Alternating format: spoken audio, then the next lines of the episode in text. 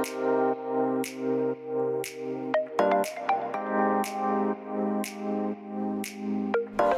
hallo, wat leuk dat je luistert naar de Good Vibes podcast met Daphne Breedveld. Ben jij geïnteresseerd in persoonlijke ontwikkeling, de wet van aantrekking en ondernemen? Dan is dit de podcast voor jou. Ik neem je heel graag mee op mijn ontdekkingsreis naar absolute vrijheid. Omdat ik er 100% in geloof dat je alles kunt creëren wat jij maar wilt. Jouw tofste leven en business puur door vanuit je gevoel te leven. Ik wens je heel veel inspiratie en luisterplezier. En stay tuned voor zo'n good vibes. Hey hoi, leuk dat je weer luistert naar een nieuwe aflevering van de Good Vibes podcast met mij, met Daphne. En in deze aflevering wil ik het heel graag met je hebben over dat uh, kun jij de dingen die op jouw pad komen zien als iets waar je wat van mag leren. En kun jij uh, accepteren dat dingen die op je pad komen, uh, komen zeg maar. Um, en ik, ik, was geïnspireerd door uh, dat ik een andere podcast aan het luisteren was. En ik moest denken aan. Um, en dat was de podcast van Kim Munnekom. En zij had het over. Sooner or later you gotta have to deal with it. Um, en dat betekent eigenlijk van, nou ja, vroeg of laat zul je moeten dealen met dat wat er is. En dan zul je moeten uh, accepteren dat dit het is. En er kwam nog een andere uitspraak bij. Die zei, uh, zij had dat ook weer in een podcast gehoord. Maar er kwam een uitspraak bij van... Um, kun jij uh, dat wat je overkomt zien als iets waar je zelf voor gekozen hebt, zeg maar, voor uh, dat, dat het echt iets is wat ja, op jouw pad is gekomen, uh, om, zodat je daarvan kan leren. En ja, ik moest gelijk denken aan. Um, ik moest gelijk even terug in de tijd. Want ik moest denken aan dat ik ooit, um, toen, ik, um, toen, toen ik mijn vader, mijn vader verloren heeft, had, omdat hij overleden was. Toen uh, had ik een, um, een, een, een, blog geschreven over het cadeau dat ik liever nooit had gehad. En dat, dat blog, die blog die ging erover dat ik, um, dat ik het echt natuurlijk ontzettend verschrikkelijk uh, vond dat mijn vader overleden was. Maar dat zijn overlijden mij ook iets positiefs had gebracht. En um, ja, ik, ik, ik had als titel gekozen voor die blog het cadeau dat ik liever niet had gehad. En um, dat klinkt natuurlijk een beetje raar als je dat dan zegt. En eh, op dat, ik, ik heb dat ook echt zo ervaren. Ik heb dat ook echt zo gevoeld.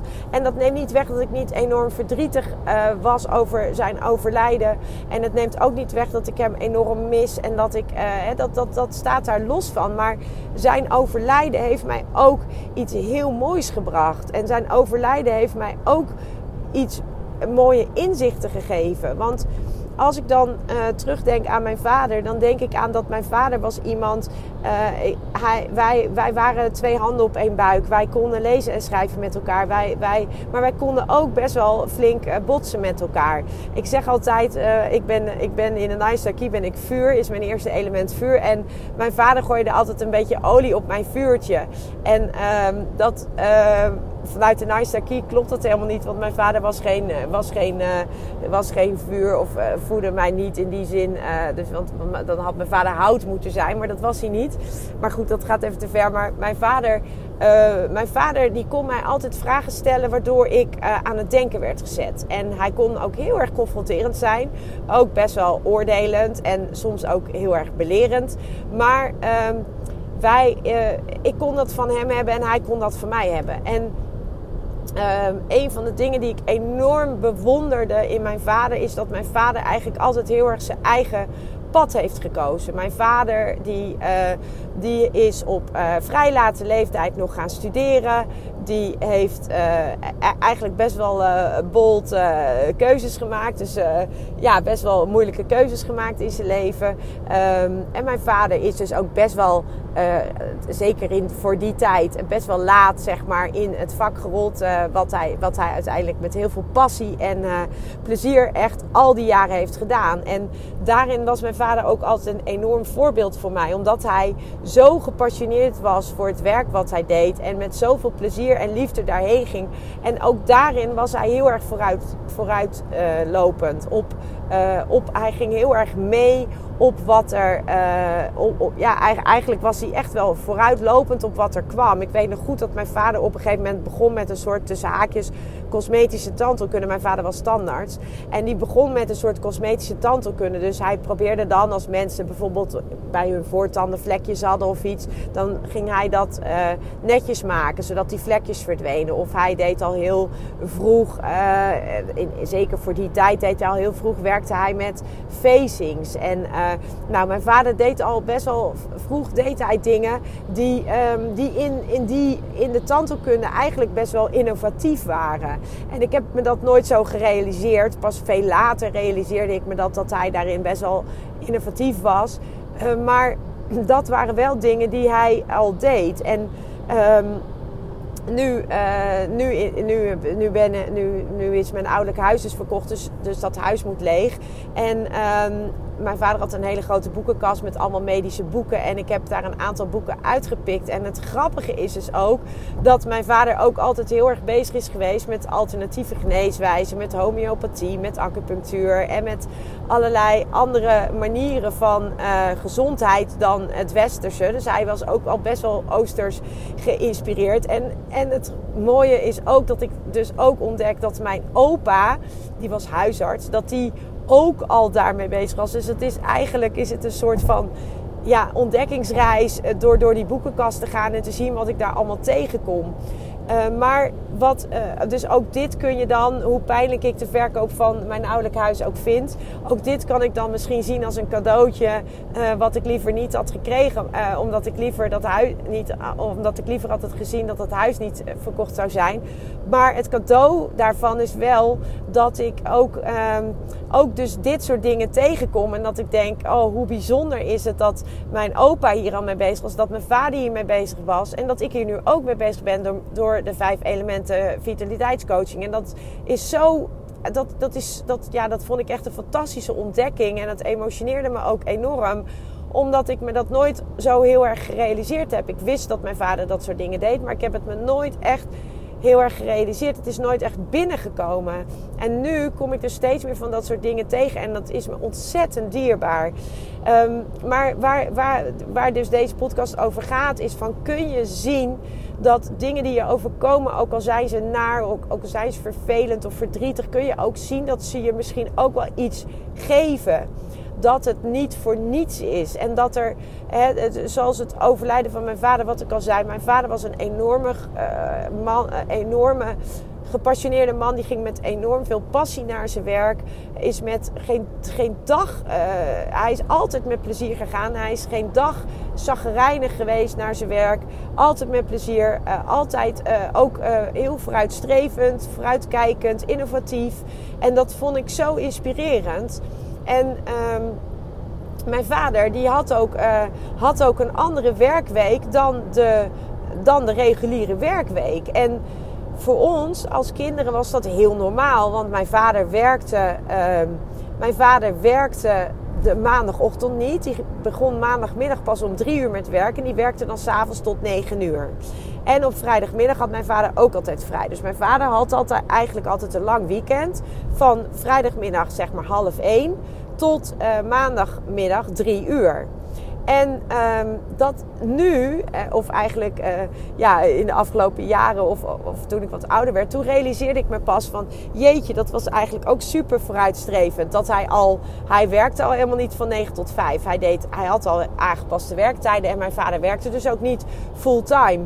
Dus het is eigenlijk, uh, ja, dat is super inspirerend vind ik dat. En wat, wat was dan dat cadeautje um, wat ik liever niet had gehad? Wat ik dus uh, heb gekregen eigenlijk na het overlijden van mijn vader. Dat cadeautje, dat was het inzicht dat je het gewoon zelf kunt bepalen. Jij mag je eigen regels maken. Jij mag zelf bepalen hoe jij wil dat je leven eruit ziet. Jij hoeft dat niet te doen zoals ieder ander dat doet. Je mag dat gewoon helemaal zelf doen. En dat besef en, en ook met name het besef van ja, is dit het dan? Is dit dan het leven waar, waar ik op dat moment stond? Is dit dan het leven, is dit dan hoe ik het wil? En het enige antwoord wat ik daarop had was nee, dit is niet hoe ik het wil. Ik wil het anders. Ik wil uh, zelfstandig kunnen zijn. Ik wil mijn eigen tijd kunnen indelen. Ik wil zelf kunnen bepalen met wie en wanneer ik werk. Ik wil die regie helemaal in eigen handen hebben. Ik wil, uh, ik wil mijn kinderen meegeven wat ik ze mee wil geven.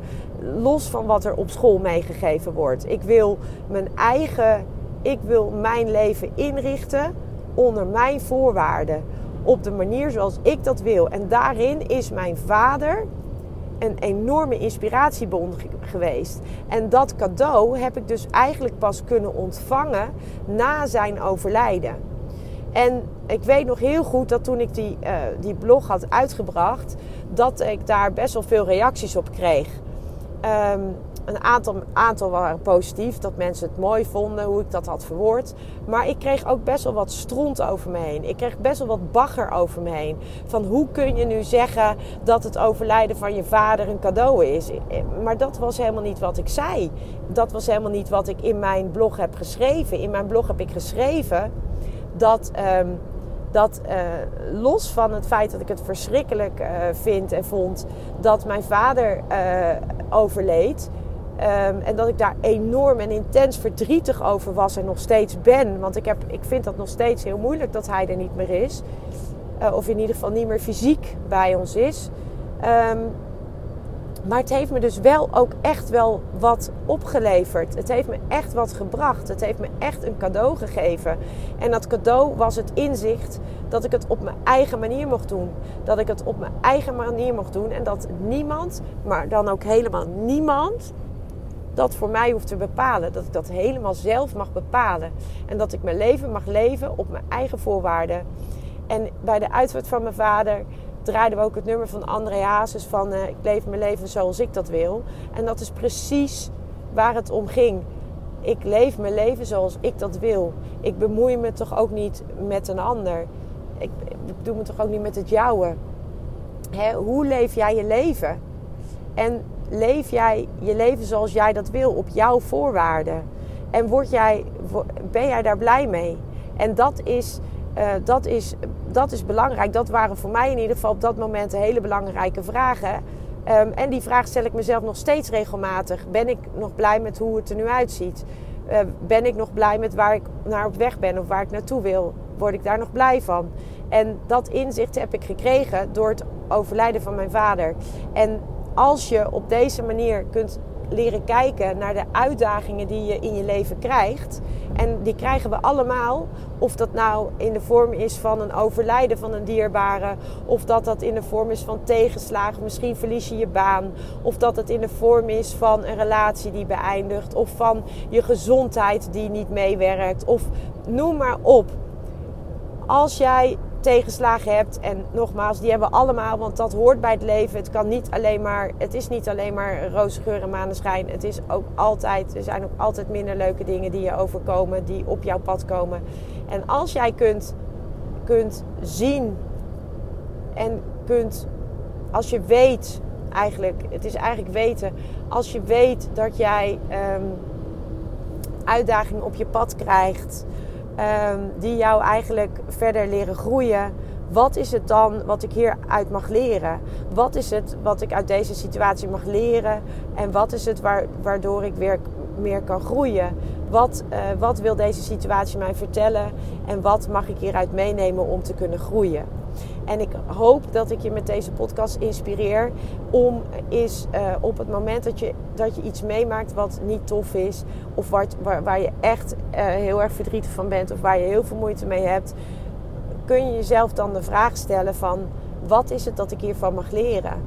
En um, dat, dat, is, dat is een hele mooie vraag om voor jezelf te beantwoorden. Want ik weet bijna zeker dat in elke uitdaging die jij op je pad krijgt, daarin zit iets wat jij mag leren. Want wij zijn hier om te leren. Wij zijn hier om onszelf te laten groeien. En uh, elke situatie die vervelend of uitdagend is, die, die uh, vraagt jou eigenlijk om te groeien. Die vraagt jou om te leren. En als je op die manier daarnaar kunt kijken en als je weet dat het universum of God of hoe je het ook noemen wil, het altijd het beste met je voor heeft, dan weet je dus ook dat, je, dat, je, dat, blijkbaar dit, dat jou blijkbaar dit overkomt omdat jij hier iets mee moet en omdat je hier iets mee mag.